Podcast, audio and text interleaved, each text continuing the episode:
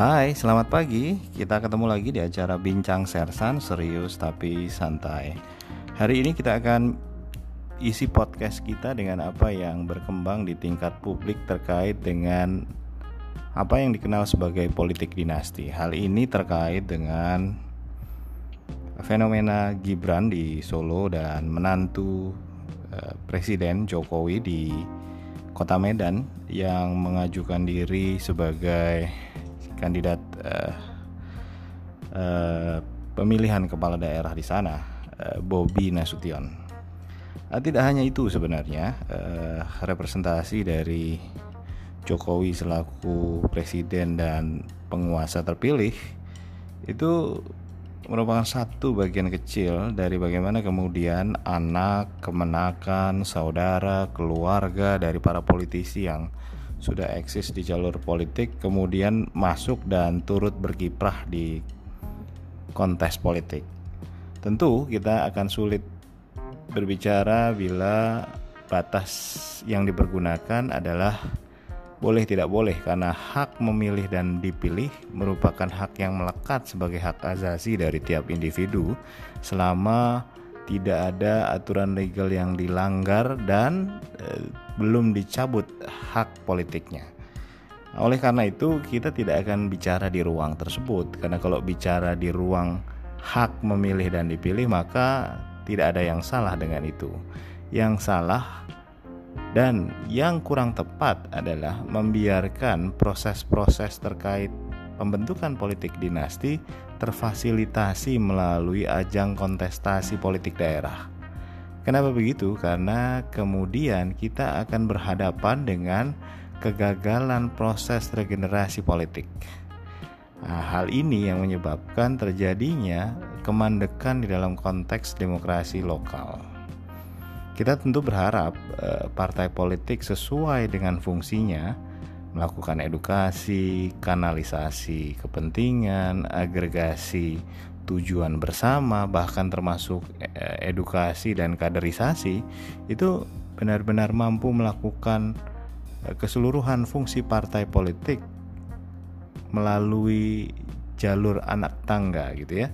Jadi dimulai dari anggota, berkiprah, pengurus, level cabang, ranting, lalu kemudian naik menjadi pengurus di tingkat daerah maupun nasional membawa kompetensi. Ini persoalannya.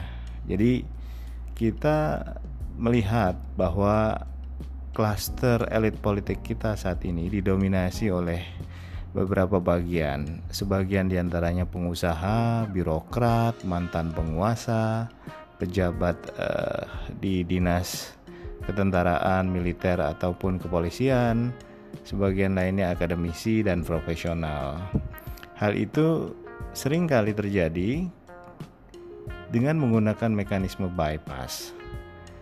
Mereka tidak membentuk jalur karir politik, tapi langsung sampai ke posisi politik yang paling tinggi karena memiliki kemampuan untuk mengakses sumber-sumber yang memberikan otoritas di dalam partai politik. Ini juga persoalan. Jadi kita punya dua persoalan dalam konteks struktur.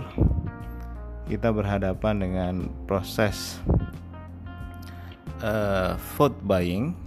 Bagaimana kemudian perilaku politik kita masih dipengaruhi oleh upaya untuk membeli pengaruh Lalu kemudian dalam kerangka kultural kita juga sering kali terjebak pada patronisme bahwa kemudian para tokoh-tokoh partai itu menjadi personalisasi figur dari partai. Ini menyebabkan partai-partai kita lekat dengan partai keluarga, maka regenerasi terjadi lebih disebabkan karena hubungan pertalian darah bukan hubungan kepentingan ideologi dan kepentingan publik. Nah, kita akan masuk ke satu term bahwa dalam upaya untuk uh, mengukur elektabilitas, partai-partai politik sering kali terjebak dalam pragmatisme transaksional melihat kandidat yang memiliki tingkat keterpilihan yang lebih tinggi. Hal ini menyebabkan kemudian kader di tingkat bawah itu tidak tereskalasi, bahkan proses main comot kader yang terjadi sesaat menjelang proses pencalonan itu kerap kali terlihat sebagai proses untuk membentuk satu pasar gelap kekuasaan ya karena akan terjadi proses mahar dan kemudian partai-partai politik bicara tentang kompensasi pasca pemilihan. Saya mau bilang bahwa dalam konteks elektabilitas, orang akan melihat faktor kapasitas. Jadi yang pertama dilihat adalah man, manusianya. Lalu kemudian yang dilihat selanjutnya adalah modalitasnya, modality modalitinya itu akan sangat terkait dengan track record, kapasitas, kompetensi. Lalu di tahap yang terakhir dia akan bicara tentang mesin, political mesin. Jadi mesin politik yang akan menjadi supporting dalam konteks dukungan terhadap pencalonan. Itu politik yang normal.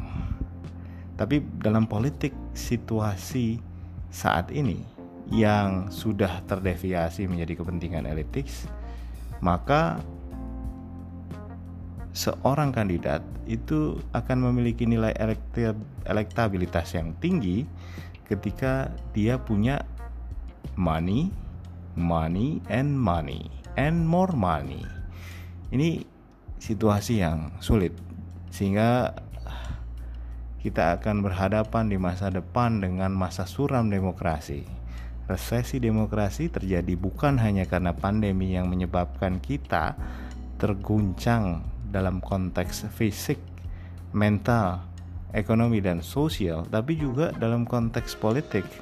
Kita berhadapan dengan demokrasi backsliding, ya. Ada pembusukan proses demokrasi, dan ini berbahaya. Bila ini diteruskan, bukan tidak mungkin otoritarianisme, bahkan tirani terbentuk. Politik dinasti membuka jalan untuk itu. Dan dalam posisi itu, kita sejatinya menolak terbentuknya politik dinasti. Itu refleksi kita hari ini. Terima kasih. Selamat pagi.